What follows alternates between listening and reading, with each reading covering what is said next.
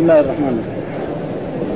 الحمد لله رب العالمين والصلاة والسلام على أشرف الأنبياء والمرسلين سيدنا ونبينا محمد صلى الله عليه وعلى آله وصحبه أجمعين. قال الإمام البخاري رحمه الله باب من رأى أن لا يحلق البشر والتمر إذا أن لا يحلق البشر والتمر إذا كان مسكرا. وأن لا يجعل إدامين في إدام قال حدثنا مسلم قال حدثنا هشام قال حدثنا قتادة عن أنس رضي الله عنه قال إني لأسقي أبا طلحة وأبا دجانة وسهيل بن البيضاء وسهيل بن البيضاء خليط مسلم والتمر إذ حرمت الخمر. فقذفتها وأنا ساقيهم وأصغرهم وإنا نعدها يومئذ الخمر. قال وقال, وقال عمرو بن الحارث قال حدثنا قتادة سمع أنسا قال حدثنا أبو عاصم من ابن جريج قال أخبرني عطاء أنه سمع جابر رضي الله عنه يقول نهى النبي صلى الله عليه وسلم عن الزبيب والسمي والبسل والرطب قال حدثنا مسلم قال حدثنا هشام قال أخبرنا يحيى بن أبي كثير بن عبد الله بن أبي قتادة عن ابيه قال نهى النبي صلى الله عليه وسلم أن يجمع بين السمي والسهو والسمي والزبيب وينبت كل واحد منهما على حده باب شرب اللبن وقول الله عز وجل يخرج من بين فرث اللبن خالصا سائغا للشاربين. قال حدثنا عبدان قال أخبرنا عبد الله قال أخبرنا يونس عن الزهري عن سعيد بن المسيب عن أبي هريرة رضي الله عنه قال أوتي رسول الله صلى الله عليه وسلم ليلة توفي به بقدح لبن وقدح خمر.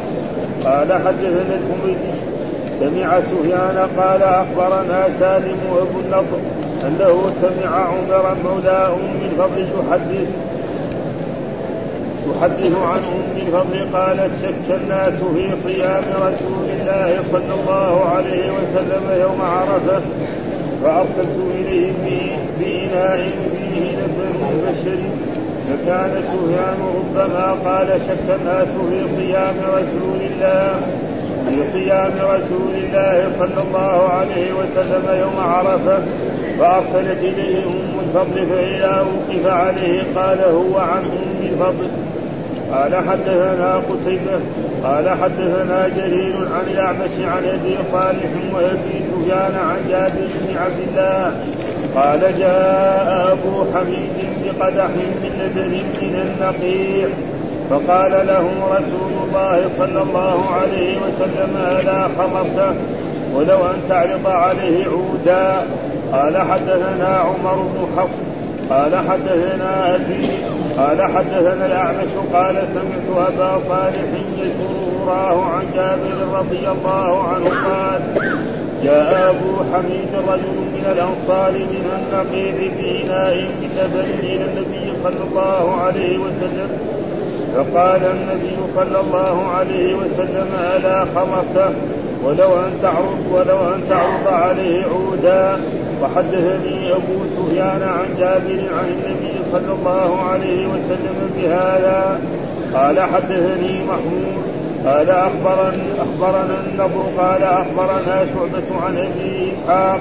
قال سمعت البراء رضي الله عنه قال قدم النبي صلى الله عليه وسلم من مكة وأبو بكر معه. قال أبو بكر مررنا ذراع مررنا ذراع وقد عطش رسول الله صلى الله عليه وسلم.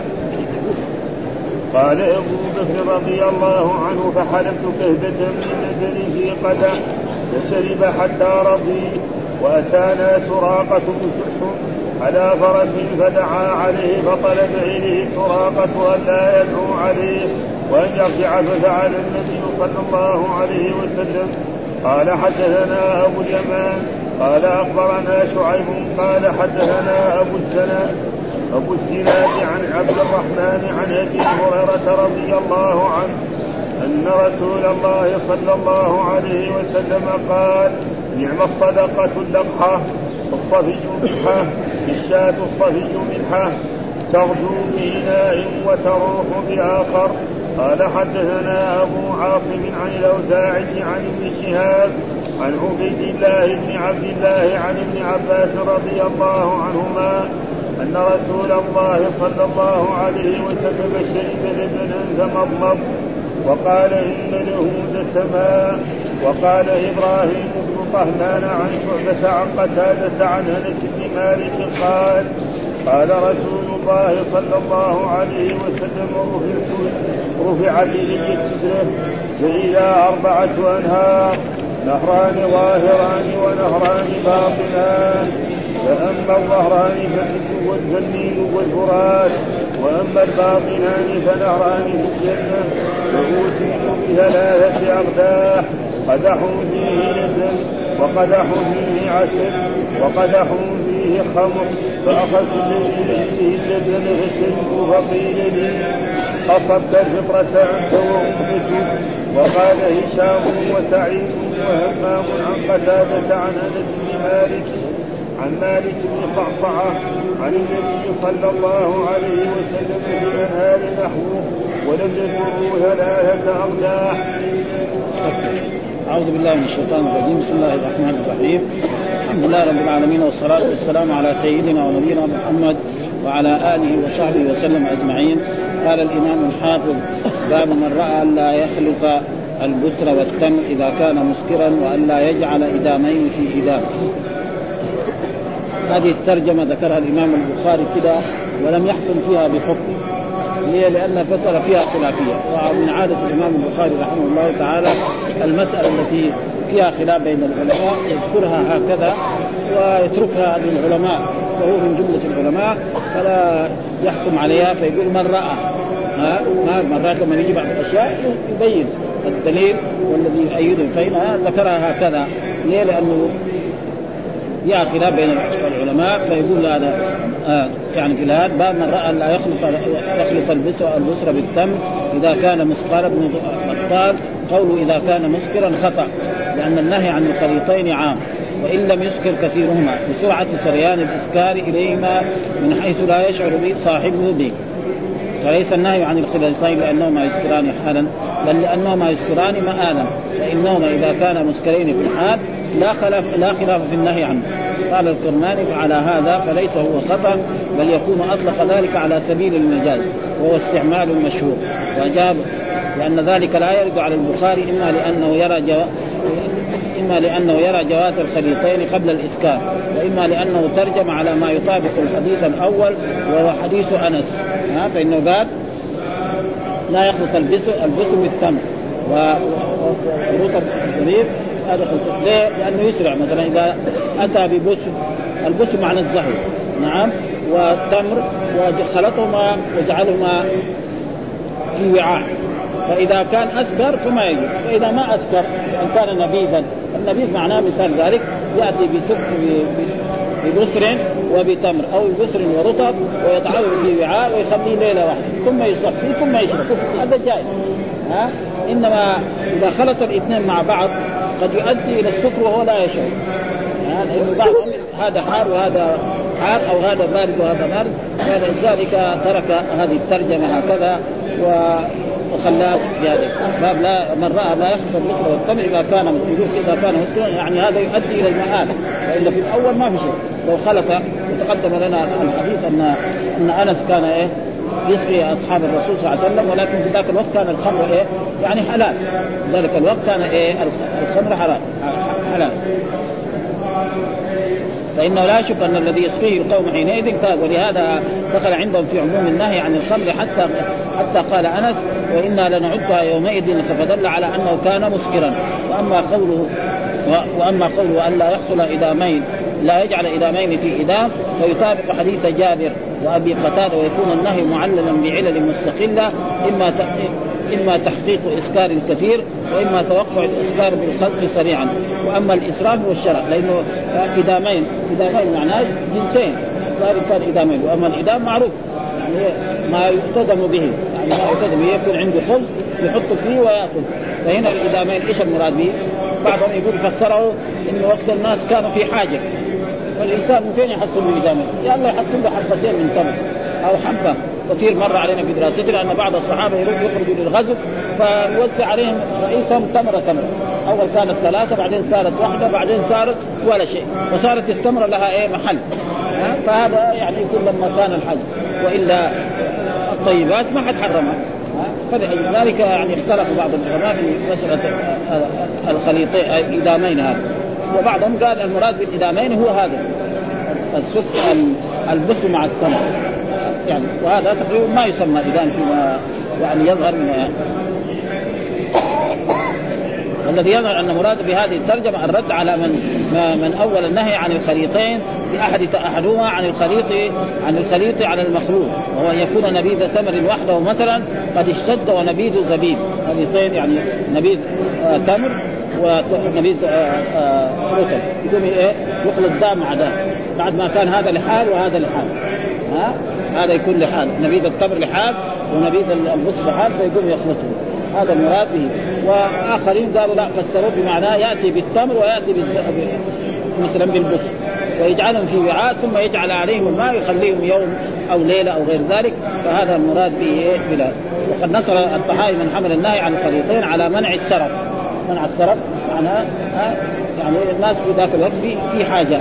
هذا فسر وكان ذا كان ذلك لما كان فيه من ضيق العيش. وساق حديث ابن عمر وتعقد ان بان ابن عمر أحد من روى النهي عن الخليطين وكان يبرد اليسر فإذا نظر إلى يسرة في بعضها رطب قطعه كراهية نعم أن يقع في النهي. يعني كان عبد الله بن عمر يخلط فإذا وجد مثلا رطب فيها شيء من الرطب ما يخلطها مع مع البصر يخلي البصر بحال ابدا آه لأن الرسول نهى عن الخليطين فيقول باب من رأى أن لا يخلط البصر والتمر يعني إنه في إذا أراد يعمل نبيذ يجعل البصر لحاله أو التمر لحاله، أما يخلط الاثنين فهذا ليه؟ لأنه يؤدي إلى الإسراع إلى الاسكان. وأن لا يجعل وأن لا يجعل إدامين في إدام. إدامين في إدام فإذا سمي البصر ولا الادام هذا يعتدم به يمكن أو إدام لأنه الناس كانوا في حاجة، الناس ما يجدوا إدامين.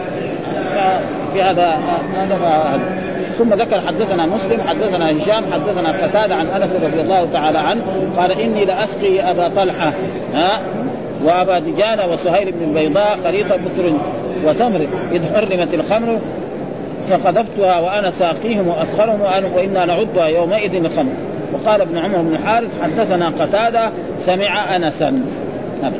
يقول أنا قال قال أنس وهو أنس بن مالك خادم الرسول إني لاسقي أبا طلحة، أبا طلحة متزوج أمه يكون عمه يعني زي ما يسمى في هذا وكان زوجا لأمه أم سلمة. وأبا دجانه كذلك من الأنصار وسهيل بن البيضاء وتقدم لنا أنه كذلك كان من جملتهم يعني أبو عبيدة عامر بن جراح. احاديث تقدمت لنا خليط بسر وتمر. يعني خلط إيه؟ الاثنين خلطهم في بعض ثم جعلهم يعني ذاك الوقت خمر. لأنه الخمر كان حلال. ما حرمت إلا في عام يعني بعد الحديبية أو في عام الفتح. وأما بعد غزوة بدر فكانت حلال. ويكفي ذلك أنه كان بعض الصحابة الذين قتلوا في في أحد كانوا يشربون. ها؟ إذ حرمت الخمر فقذفتها بالآية. يا الذين آمنوا من الخمر والميسر والأنصاب والأزلام رجس من عمل الشيطان فاجتنبوه لعلكم تفلحون. إنما يريد الشيطان أن يوقع بينكم عداوة والبغضاء في الخمر والميسر وصدكم عن ذكر الله وعن الصلاة فهل أنتم منتهون؟ فقالوا الصحابة وقال عمر انتهينا انتهينا. ها وأنا ساقيهم وأصغر الصغير هو اللي يخدم الكبار. ها وإنا نعدها يومئذ الخمر. يعني كنا نعد البسر والتمر إذا خلط. و وصار يسكر فيسمى خمر. وقال عمرو بن الحارث حدثنا قتادة سمع أنسا لأن هناك قال عن أنس. وقتادة شوية من الجماعة الذي يعني عندهم تدليس معروف إيه؟ فقال هنا حدثنا قتادة عن أنس. هنا قال سمع أنس. هذا المقصود. ها؟ ما في إيه؟ تدليس سمع أنس. آه وحدثنا أبو عاصم. آه حدثنا أبو عاصم. عن ابن جريج أخبرني عطاء أنه سمع جابر رضي الله تعالى عنه يقول نهى النبي صلى الله عليه وسلم عن الزبيب والتمر والبسر والرطب. ها أن يخلط ها سواء كان يعني خمرا قيد حرام وكذلك في يعني في النبيذ لا يفعل هذا. إذا أراد ينبذ ينبذ إيه؟ الزبيب وحده أو التمر وحده أو البسر وحده والرطب وحده. واما يخلط الاثنين فهذا في نهي من رسول الله صلى الله عليه وسلم وقواعد عامة في في العلم حرام. لكن بعض العلماء يقول هذا على وجه الكراهة وعلى وجه التنزيه. هذا إنه قاعدة عامة كل شيء ينهى عنه الرسول حرام. فإذا جاءت أدلة ها يعني فبعضهم راى أنه يعني حرام وبعضهم يرى أنه مكروه.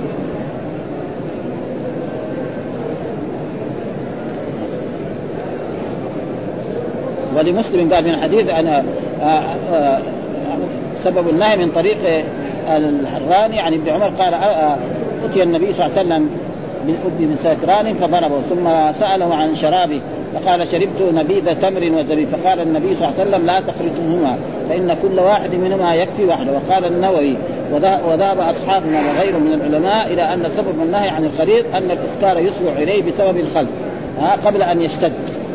ويظن الشارب أنه لم يبلغ حد الإسكار ويكون قد بلغ. قال وذهب الجمهور أن النهي في ذلك للتنزيه. ها؟ يعني فيه بعضهم يرى. وإنما يمتنع إذا صار مسكرا ولا تخفى علامته. وقال بعض المالكية هو للتحريم. واختلف في خلط نبيذ البسر الذي لم يشتد مع نبيذ التمر الذي آه آه الذي لم يشتد عند اشتراك هل يمتنع أو يختص النهي عن الخليط عند الانتباد فقال الجمهور لا فرق. وقال ليس لا بأس بذلك عند الشرب ونقل أن سبب النهي ان النبيذ يكون حلوا. فإذا أضيف إليه الآخر أسرعت إليه الشدة وهذه صورة أخرى. كأنه يختص النهي بما إذا نبذ أحدهما ثم أضيف إليه الآخر. هذا يكون نبيذ لحاله في وعاء وهذا نبيذ لحاله فإذا خلط بعضهم على بعض. وهذاك الأول لا أن قبل أن يصير نبيذ يخلط الاثنين مع بعض. فسرهم بعضهم بهكذا وبعضهم فسرهم بإيه؟ بها و... عن الخليط فاختلف العلماء فقال أحمد وإسحاق وأكثر الشافعية بالتحريم. ولو لم وقال الكوفيون بالحل الكوفيون معروف إنهم كانوا يعني تساهلوا في هذا وحتى أنهم من قواعدهم أن الخمر لا يكون إلا من إيه؟ إلا من العنب. وكل شيء غير العنب لا يسمى خمرا. ولذلك كانوا يعني في الدولة العباسية يعني كثير. يعني يكفي في ذلك أن أبو نواس هذا. كل شعره تقريبا في الخمريات وفي وفي اللواط. يعني كل قصائده كذا خربانة مرة واحدة. وهو رجل شاعر عظيم يعني جدا. وقيل احدهما يشتد الآخر وقيل لأن الإسكار يسرع ولا خلاف أن العسل باللبن ليس بخليطين لأن لأن اللبن لا ينبذ. لكن قال ابن عبد لا يجوز خلط شرابي سكر كالورد والجلاب وهو ضعيف. واختلفوا في الخليطين لأجل التخليل. ثم قال ويحتمل لنا أربع صور. أن يكون الخليطان منصوصين الخليطان منصوصين فهو حرام. أو منصوص ومسكوت عنه. فإن كان كل فإن كان كل منهما لو انفرد أسكر فهو حرام. قياسا على المنصوص. أو مسكوت عنه وكل منهما لو انفرد لم يسكر جاز قال وهنا مرتبة الرابعة وهي ما, ما لو خلط شيئان وأضاف إليهما دواء يمنع الإسكار فيجوز في المسكوت عنه ويكره في المنصوص عنه. يعني على كل حال. وقالوا من شرب الخليطين أثم من آه من جهة واحدة. فإذا كان بعد الشدة أثم من وجهتين. وخص يعني إنه قال له لا لا تخلطوا وخلطه ثم بعد ذلك اشتد فيكون إيه كان وهي التمر والرطب والزهو والبسر والزبيب. في أحد والزبيب في أحد في أحدها أو في غيره فأما لو خلط واحدا من غيرها في واحد من غيره لم يمتنع. اللبن والعسل آه اللبن والعسل ما في ضرر. ها أن يجمع بين شيئين فنبيذ أحدهما وقال وتسمية إذا ويشهد ببطلان الأحاديث الصحيحة قال وتسمية الشراب اذابا قول من ذهل عن الشرع في اللغة قال والذي يفهم من الأحاديث التعليل بخوف إسراع الشدة بالخلق وعلى هذا يقتصر في النهي عن الخلق على ما يؤثر فيه الإسراع. وأفرط بعض أصحابنا فمنع الخلط وإن لم توجد العلة المذكورة ويلزم أن يمنع من خلط العسل واللبن والخل والعسل. قلت وحكاه يعني الخلط يقول لأجل إيه؟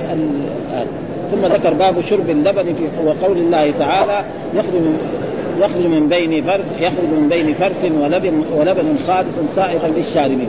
وفي الآية ما في يخرج. في الآية اللي بعدها في آية النحل في يخرج. ها؟ وان لكم في الأنعام الآية كذا وان لكم في الأنعام لعبرة نسقيكم ما تدونها من بين فرث ودم لبن خالص سائغا للشرب. فيخرج هذه ما في في الآية. ها؟ فهذه يقول الحافظ إنها يعني من النساخ. نسخ البخاري طلبه وحطوها يعني فهي ما والا الآية وإن لكم في الأنعام كذا الآية وإن لكم في الأنعام لعبره نسقيكم من الدنيا من بين فرث ودم لبنا خالصا سائغا للشارب ومن ثمرات النخيل والأعناب تتخذون من سكر ورزقا حسنا إن في ذلك لآيات إن في ذلك لآية لقوم يعقلون كذا آه. فيقول باب شرب اللبن معناه إيه؟ دحين يعني هذا الباب معقول لإيه؟ للاشربه الجائزة والاشربه الممنوعة فغلق من الخمر والنبيذ وهذا دحين يعني يطابق الترجمة الاشربه المباحه ها؟ الاشربه المباحه للمسلم. فالمسلم له أن يشرب اللبن. يشرب اللبن ويشرب الحليب ويشرب مشتقاته من الجبن وغير ذلك. كل الأشياء اللي ما هذا هذا ما يريده الإمام البخاري بهذه التراجم لأن باب كتاب الأشربة. فالأشربة على نوعين. حرام هذا الخمر. ها وما كان مثل الخمر كذلك من المخدرات وغير ذلك ثم بعد ذلك دحين الأشياء. وقال باب شرب اللبن وقول الله تعالى يخرج من بين فرث ودم. وهو الآية وان لكم في الأنعام العبرة المسلم بين فرث الفرث هو ما يكون في كرش الدابه ها في الشاة وفي البقرة وفي الناقة الذي الطعام الذي يأكل من الحشيش وغير ذلك ويكون في كرشها هذا يسمى فرث.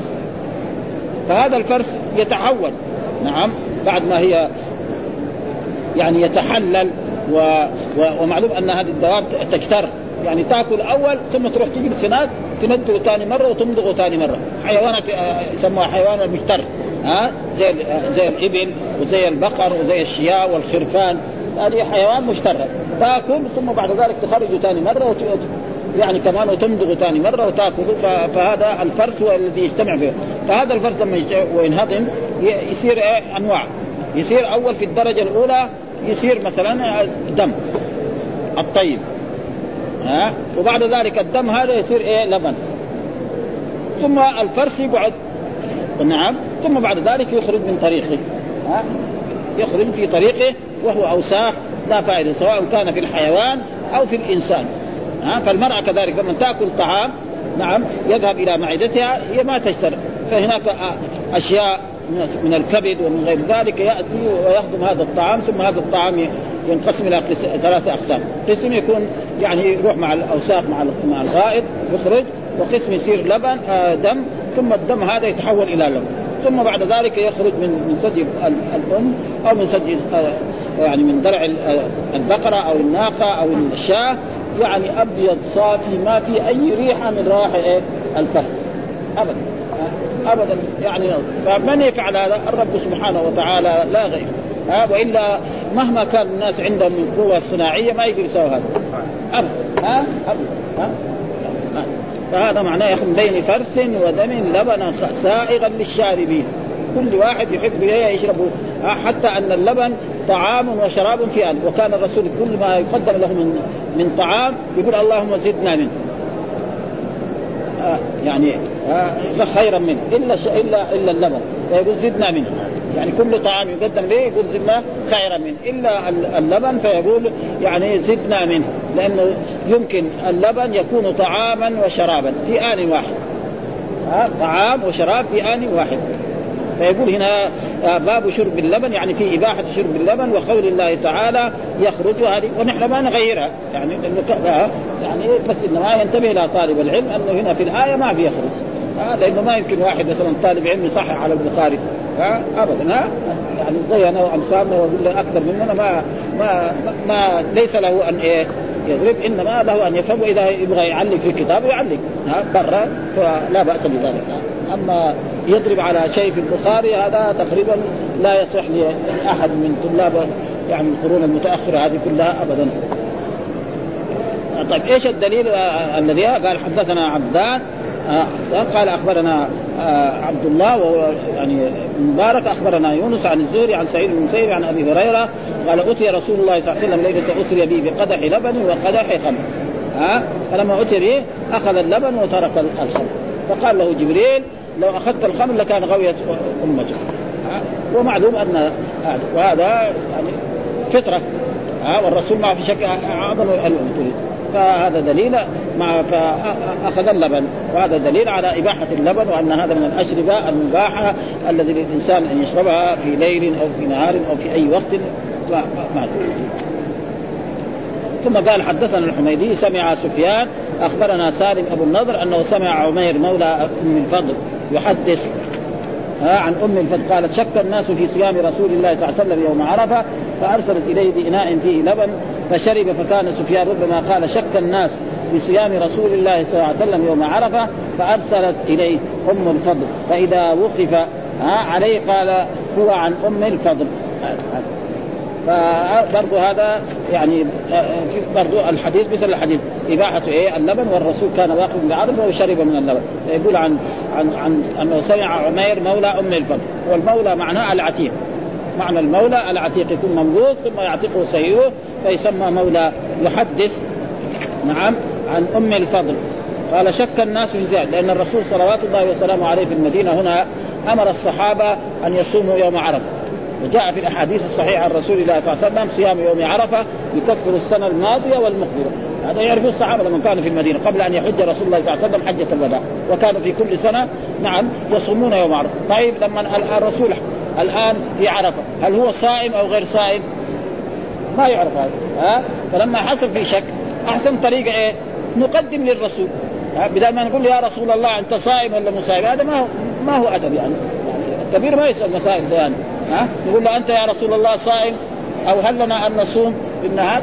فأحسن طريقة هذا من الأدب نقدم له لبن فقدم لبن فشرب الرسول وهو قائم في عرفه فدليل على أنه إيه؟ وهناك في أحاديث نهى رسول الله صلى الله عليه وسلم عن صيام يوم عرفة بعرفة. في حديث بهذا النص. قد يكون الصحابه نقلوا اطلاع عندهم نهى رسول عن صيام يوم عرفة بعرفة. فالذي يكون بعرفة لا يصوم. والذي في بلاد الإسلام كلها يسن له أن يصوم يوم عرفة لأنه يكفر السنة الماضية والمقبله وكان الرسول يصوم هذا. فيقول هذا شك الناس في زمان رسول الله فأرسلت إليه بإناء. ها تقول مين هذه؟ أم الفضل. يعني أم الفضل بن عباس زوج إيه؟ العباس عم رسول الله صلى الله عليه وسلم بإناء فيه فشرب. هذا. فكان سفيان ربما قال شك الناس في صيام رسول الله فأرسلت إليه أم الفضل. ها وهذا فيه ما في شيء. مرة الإنسان يقول إيه؟ أرسلته. مرة يقول أرسل محمد. ويكون محمد اسمه. هذا هذا معنى. ها؟ لأن هناك قال فأرسلت. مين الضمير عائد على مين؟ على أم الفضل. بعد ذلك تقول أرسلت أم الفضل. يخلي بعد ما كان الفاعل يعني ضمير متصل يخليه اسم ظاهر. خلاص. ها؟ فأرسلت أم الفضل. ها؟ أرسلت أم الفضل. قال فارسل أم الفضل. فإذا وقف عليه قال هو عن أم الفضل. فإذا وقف عليه يعني سئل مين اللي أرسل؟ يقول هو أم ف... والحديث إيه؟ عشان يثبت ان أن اللبن إيه؟ حلال شربه اي بل كل أنواع اللبن. ها؟ ف... يعني نقدر نحن الآن نقول دحين جاء اللبن. فإذا شرب اللبن لو أن يشرب الزبدة حقه. ها؟ والجبن حقه وغير ذلك كل الأشياء نعم الذي مشتقات اللبن. ثم ذكر حدثنا قتيبة قال حدثنا جرير عن الأعمش عن أبي صالح عن أبي سفيان عن جابر بن عبد الله قال جاء أبو حميد بقدح من لبن من النخيع. فقال رسول الله ألا خمرته ولو أن تعرض عليه عودا. فهذا كذلك يقول أن أبي سفيان عن جابر وجابر بن عبد الله الأنصاري قال جاء أبو حميد بقدح من لبن من النقيع النقيع فين؟ النقيع يعني محل يعني حمى لرسول الله صلى الله عليه وسلم فيه إبل إيه؟ إبل الصدقه وهو يبعد عن المدينة بمسافه هذا هو النقيع. مكان حمى لرسول الله صلى الله عليه وسلم فيه إبل الصدقة وإبل المجاهدين. فهناك في كل ما جاء ابل مثلا من الغنائم أو من الفيء أو بعد ما وزع أو للرسول صلى الله عليه وسلم أو للجهاد يرسلها في تلك الجهه أرض طيبة فيها نبات وفيها عشب طيب. فهذا الرجل كان هناك فأخذ لبنا يعني ما هو بعيد من حيث فأخذ بلبن من النقيع من إبل الصدقة اللي هناك أو إبل الغنائم وأتى به لرسول الله صلى الله عليه وسلم في المدينة. فلما أتى به لرسول الله صلى الله عليه وسلم فقال له الرسول ألا خمرته؟ ليش ما يعني تغطيه؟ يعني هذا المعون تخليه مكشوف كذا وتأتي به كان تحمل. ما عندك وعاء تجيب ولو عود كذا. ها؟ تحط عود عليه يعني مثل الكتاب كذا يخليه كذا. ها؟ على الإيه؟ على الوعاء. ها؟ فإنه إذا فعل هذا يعني ليس الشيطان ما يقرب. ها؟ الشيطان لا يقرب. وثم كذلك الأوساخ ما تقع فيه. ذباب أو غير ذلك فلذلك آه، ومحل الشاهد الذي هي بقدح من لبن. هذا اللي سابق الترجمة. ها؟ قدح معنى أتى به رسول الله صلى الله عليه وسلم معناه إنه حلال. والأحاديث تقدمت إنه الرسول شرب آه، اللبن ف وحديث كمان ثاني أسرع من هذا. آه. برضو الحديث آه هناك حدثنا قتيبة. الحديث الثاني مثل الحديث الأول. آه يعني في المتن. قال حدثنا عمرو بن حفص حدثنا أبي حدثنا أعمش قال سمعت أبا صالح يذكر أراه عن جابر رضي الله تعالى قال جاء أبو حميد رجل من الأنصار من النقيع بإناء من لبن إلى النبي صلى الله عليه وسلم فقال النبي ألا خمرته؟ ها ليش ما تغطيه؟ ها لا تخليه مكشوف كذا يقع فيه التراب ويقع فيه الأشياء ويقع فيه الفول ولو أن تعرض عليه عودا. يعني إذا ما عندك ماعون يغطيه مرة واحد يعني آه، يغطيه فجعلوا عليه عودا والعود مثل هذا. فاذا جعل كذا مثل الكتاب كذا هذا يسمى يعني فإنه هذا يفيده. أول يمنع عنه الشياطين ويمنع عنه بعض الأشياء التي يعني توسخ وحدثني سفيان عن جابر عن النبي صلى الله عليه وسلم بهذا. كل الأحاديث. بس إيه وهذا لا يسمى. لأنه شيخ الإمام البخاري في الحديث الأول قتيبة وفي الحديث الثاني عمرو بن حفص. وهذا لا يسمى مثلا تكرار بالنسبة لهذا. والثاني حدثنا أبو سفيان آه، حدثنا أبو سفيان عن جابر. ثم الحديث اللي بعده حدثنا محمود قال أخبرنا النضر قال أخبرنا شعبة عن أبي إسحاق قال سمعت البراء رضي الله تعالى عنه قال قدم النبي صلى الله عليه وسلم من مكة وأبو بكر معه. فقال أبو بكر مررنا براع وقد عطش رسول الله صلى الله عليه وسلم. قال أبو بكر رضي الله فحلبت كثبة من لبن في قدح فشرب حتى رضيت. وأتانا سراقة آه، جعشم على فرس فدعا عليه طلب إليه سراقه أن لا يدعو عليه وأن يرجع ففعل النبي صلى الله عليه وسلم. وهذا في إيه؟ في هجرة الرسول صلى الله عليه وسلم من مكة إلى المدينة. فإن الرسول صلى الله عليه وسلم بعدما رخص الله له بالهجرة من مكة إلى المدينة أمر أصحابه أن يتوجهوا قبله. فتوجه كثير من أصحاب النبي صلى الله عليه وسلم ثم أبا بكر جاء إلى النبي صلى الله عليه وسلم فقال إن الله قد أذن لي بالهجرة. يعني الرسول يقول لأبي بكر فقال الصحبة الصحبة يا رسول الله. يعني أنا أحب أن أكون إيه مصاحبا لك في هذا قد تقدم لنا في في, في أبواب قراناه الصحبة معك. وأبو بكر عد راحلتين. واحدة له وواحده لرسول الله صلى الله عليه وسلم. ثم بعد ذلك الرسول اخبره ومعلوم أن الرسول خرج من داره في في الليلة التي تآمر قريش على قتل الرسول صلى الله عليه وسلم أن يجمع من كل قبيلة شاب ويضرب الرسول ضربة رجل واحد فيموت الرسول فلا يستطيع بنو هاشم يحارب قريشا كلهم. ما يستطيع آه فيقبل الدية ولا من محمد هذا. هذه فكرته. لكن الله قال يقول في هذا وإذ يمكر بك الذين كفروا ليثبتوك أو يقتلوك أو يخرجوك ويمكرون ويمكر الله والله خير الماكرين. فخرج الرسول من داره وهم حول داره وكان معه تراب ورماهم بتراب. فهذا التراب كل واحد أصابه في عينيه وفي أنفه وفي فمه. ثم لما أصبح الصباح سألوا علي بن ابي كان علي بن أبي طالب نايم في مكان فراش الرسول. وهذا إن دل يدل على عظمة علي بن أبي طالب. لأنه علي بن أبي طالب ذاك الوقت عمره إن كثر يعني عمره 20 سنة. ها؟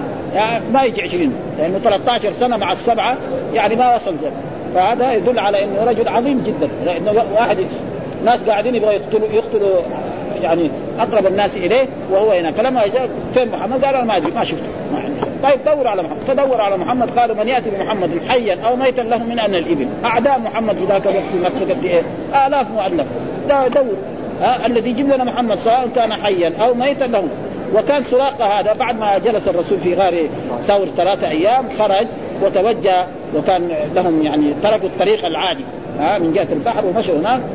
وسراقه هذا رجل واحد جاء في مكة قال والله أنا رأيت ناس كذا من من جهة بعيدة راكبين اثنين.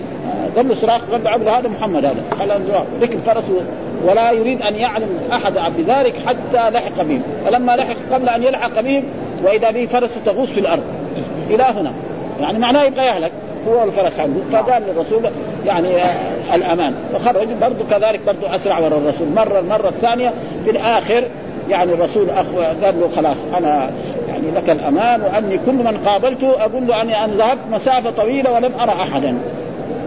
وأخبره الرسول أنه سي سي سيكون في المستقبل يعني إيوان كسرى أو عرش كسرى سيوضع على رأسه. وبالفعل بعد ذلك اسلم هو وحسن إسلامه ولما جاء في عهد عمر بن الخطاب رضي الله تعالى عنه إيوان كسرى أتي به ووضع على رأسه.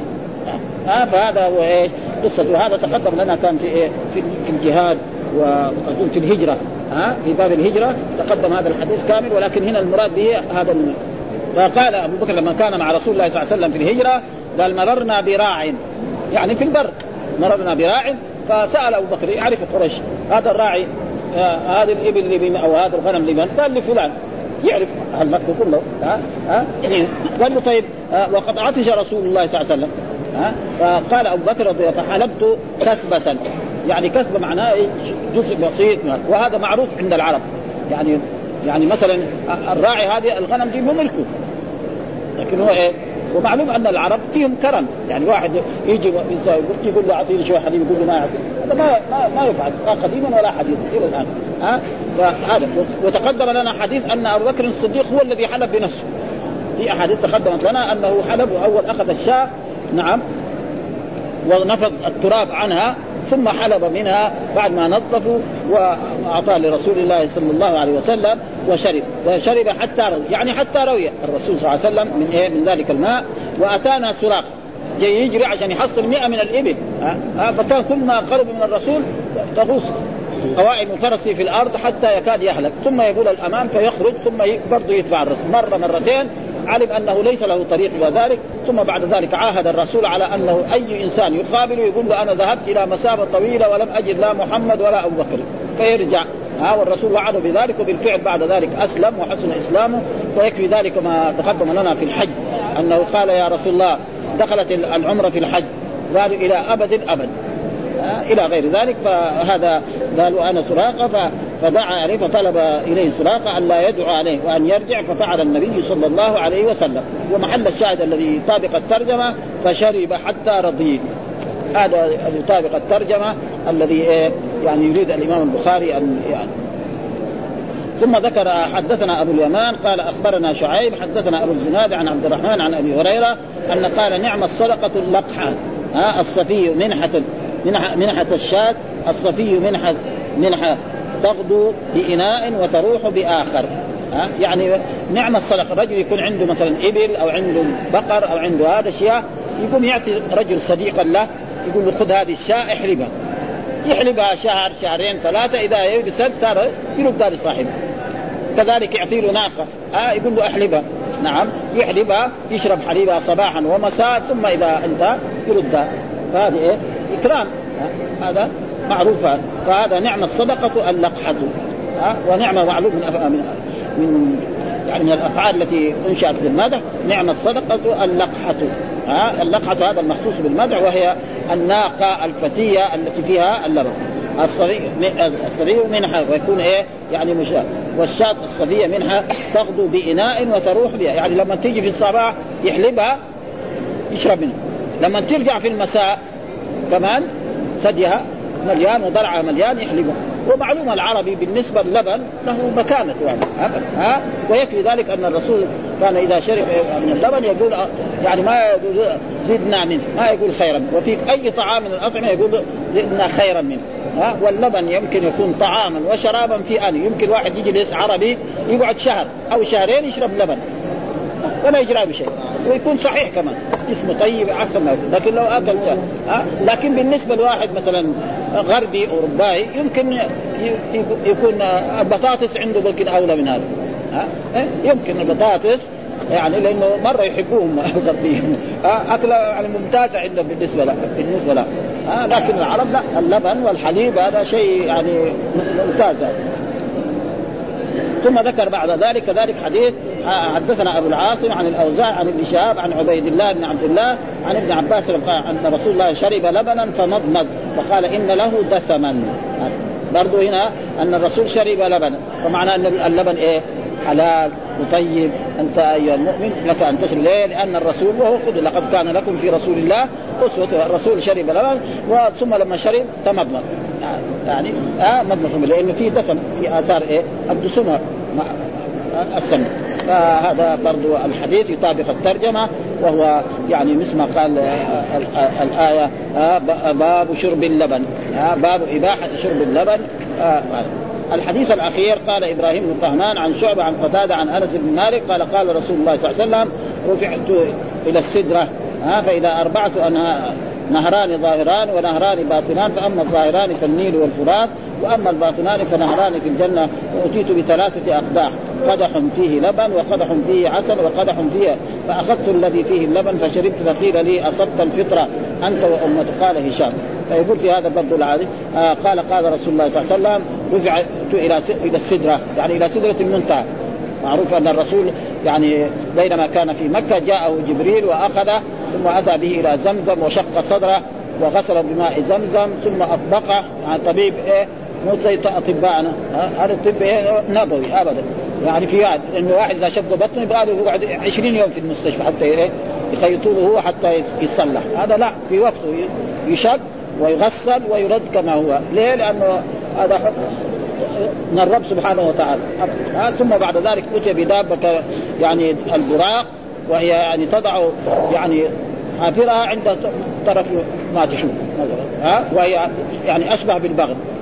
ثم من مكة إلى بيت المقدس ثم من بيت المقدس إلى إلى السماء الأولى الثانية الثالثة إلى السابعة إلى ما بعد السابعة إلى سدرة المنتهى ثم فرض الله عليه خمسين صلاة وكان يتردد على موسى حتى أصبحت خمسة. ثم قال سمع من الله إنها خمس في العدد وخمسين في الأجر ففي هذا عرض عليه. قال فرأيت أربعة أنهار أنهاران ظاهران فأما الظاهران فالنيل والفرات. ومعلوم شوف النيل. فين ينبع فين من الحبشة ويصب في في البحر الأبيض. قد إيه مسافة؟ ها؟ ولا يزال من ذاك الوقت أو من قبل ذلك الوقت إلى الآن موجود. ها؟ مرات يكثر ومرات وأما الباطنان فنار ف... ف... والباطنان فنهران في الجنة. ومعلوم الجنة فيها أنهار. والقرآن ذكر أنهار من ماء غير آسر وأنهار من لبن يتغير طعمه وأنهار من خمر لذة للشاربين وأنهار من عسل مصفى ولهم فيها من كل الثمرات ومغفرة من ربهم. هذا. ها؟ وأتيت بثلاثة اقداع قدح فيه لبن وقدح فيه عسل وقدح فيه خمر. يعني ثلاثة فالرسول أخذ إيه؟ القدح الذي فيه اللبن. وهذا إيه؟ مع أن العسل الرسول يحب الحلوى ويحب العسل. والقرآن قال يعني فيه يعني فيه شفاء للناس. ومع ذلك الرسول أخذ اللبن. فكأن اللبن يعني يعني أفضل من إيه؟ من العسل. في هذه الجهة يعني يكون كانه أفضل من إيه؟ من العسل. فقال هشام وسعيد وهمام عن قتادة عن أنس بن مالك بن سعد النبي. قال في الأنهار نحو ولم يذكروا ثلاثة أقداح. في الحديث الثاني الذي قال هشام وسعيد وما فيها إيه؟ يقول بقدح لبن وقدح وقدم البحث فيه قريبا والحكمة في التخيير بين الخمر مع كونها حراما واللب مع كونها حلالا إما لأن الخمر حينئذ لم تكن حرمت أو لأنها من الجنة وخمر الجنة ليس لأن هذا قبل أن يحرم الخمر. يعني عرض على الرسول الخمر والعسل فين؟ يعني في مكة. قبل أن يهاجر. والخمر ما حرمت إلا فين؟ في المدينة. ها؟ فهذا في ذاك الوقت يعني حلال. لو واحد شرب الخمر في مكة ما يقول له شيء. حتى في في المدينة. في السنة الأولى والسنة الثانية والثالثة يعني كان حلال الخمر. حتى يعني متى حرمت الخمر؟ تقدم لنا. إما في عام ستة من الهجرة أو في عام ثمانية. وأصح الأقوال يمكن في عام ستة من الهجرة. ها؟ إنه حرمت الخمر ف فاذا هذا يقول هنا النقيع وهو الموضع الذي آه، حمي حمي لرعي النعم. وقيل غير وقد تقدم في كتاب ذكر نقيع الناس فدل على التعدد وكان واديا يجتمع فيه الماء والماء النافع هو المجتمع قيل كانت تعمل فيه الان وكذلك هنا يعني إيش معنى كثبة؟ وكثبة بضم أول وسكون المثلثة بعد قال الخليل كل قليل جمعته فهو كثبة وقال ابن فارس هي هي القطعة من اللبن. أو التمر. وقال أبو زيد هي من اللبن ملء القدح. وقيل قدر حلبة ناقة. ومحمود شيخ البخاري فيه هو ابن غيلان. آه والنضر هو ابن شبير وأحسن أجر في شرب النبي صلى الله عليه وسلم من اللبن مع كون الراعي أخبر أن الغنم لغيره أنه كان في في عرفه التسامح بذلك. لأن الرسول ما يمكن غنم محمد يأخذ غنم يشرب لبنها. لكن معروف عند العرب التسامح. أي واحد بدأ يعني يرعى غنم يجي واحد يقول له أعطيني لبن. يعطيه. ويعرف أن سيده أو عمه أو صاحب الغنم ما يقول شيء. هذا شيء متعارف عندهم ابدا. ها وإلا كان الغنم ما دامت ما هي ما هي للرسول ولا لأبي بكر ولا لهذا الراعي، هذا الراعي قد يكون مولى عبد مملوك ومع ذلك يعني من العرف المتعارف في ذلك الوقت. يعني آه هذا وهنا أن ان أن أن عرض الآتي على النبي صلى الله عليه وسلم ان العرض الآنية أن عرض الآنية على النبي صلى الله عليه وسلم وقع مرتين قبل المعراج وهو في بيت الله وبعده وهو عند سدرة المنتهى وبهذا فيها طيب هذا محل الشاهد. ها؟ قال أنس فلما نزل لن تنالوا البر حتى تنفقوا مما تحبون. قام أبو طلحة فقال يا رسول الله يقول لن تنالوا البر حتى تنفقوا وإن أحب مالي إلي بيرحاء وانها صدقة لا أرجو برها وذكرها عند الله. ففعل يا رسول الله حيث أراك الله فقال الرسول بخ ذلك مال رايح أو رابح شك عبد الله قال وسمعت ما قلت وإني أرى أن تجعلها في الأقربين. فقال أبو طلحة افعل أفعل يا رسول الله. فقسم أبو طلحة في أقاربه وفي بني عمه. يقول في هذا المال انه أنس بن مالك وكان أبو طلحة وأبو طلحة عم لأنس. أكثر انصاري بالمدينة مالا من نخل. عنده بساتين كثيرة في المدينة. ومعلوم أن المدينة فيها جملة من البساتين حتى اليوم. وكان أحب مالي إليه بيرحاء وكانت في مستقبل المسجد فين مستقبل المسجد؟ محل اللي كان فندق فندق الزهراء ده قريب. وكان أول زمان اللي يعرف كان في محل دار الأيتام وهذه الجهات يعني كانت بيرها ليه؟ لأنه كان إيه؟ كانت القبلة الرسول كم صلى؟ 17 شهرا كان يستقبل بيت المقدس في المدينة. هذا. وأما الحين القبلة فين؟ هنا. ها؟ في الجنوب. أول ما هاجر الرسول المدينة كانت القبلة كده. الناس يصلوا كده. حتى 17 شهر ثم بعد ذلك جاءت الآية قد نرى تقلب وجهك في السماء فلنولينك قبلة ترضاها فولي وجهك شطر المسجد الحرام وحيث ما كنتم فولوا وجوهكم شطرة. فالرسول استقبل في الظهر وفي العصر. أهل قبى ما سمعوا الخبر هذا إلا في الفجر. ها وكانوا يصلون. فجاء رجل وقال لهم إني صليت خلف رسول الله مستقبل الكعبة. فتحولوا هم في الصلاة. معناه لما يتحول من الصلاه لما يكون الامام كذا يرجع كذا يصير دورة قد إيه كبرى هذا ها؟ لما يكون صفين أو ثلاثة صفوف فهذا معناه مستقبل القبله يعني بالنسبة إلى إيه؟ القبلة الأولى التي كانت بيت المقدس. ها؟ ها؟ وكان رسول الله يدخلها ويشرب من ماء فيها طيب. ولا تزال البئر إلى قريب هنا كانت موجودة بس ما كان فيها ماء يعني. ها؟ قال أنا فلما نزلت لم تنالوا البر حتى تنفقوا مما تحبون ها؟ فقال فقال يا رسول الله لن حتى تنفقوا وإن أحب مالي بيوحا. هذا البستان أنا فضع يا رسول الله في من تحب. يعني قل لي أنا أشاور فين أضع هذا المال؟ ما دام الله يقول لن تنالوا البر حتى تنفقوا مما تحب. وهذا أحب مالي. وما تنفقوا شيء فان الله يعلم؟ فقال الرسول ضعه في الأقربين. يقول فقسمه بين أقاربه وبني عمه. يقول منهم ماذا؟ كان منهم إيه؟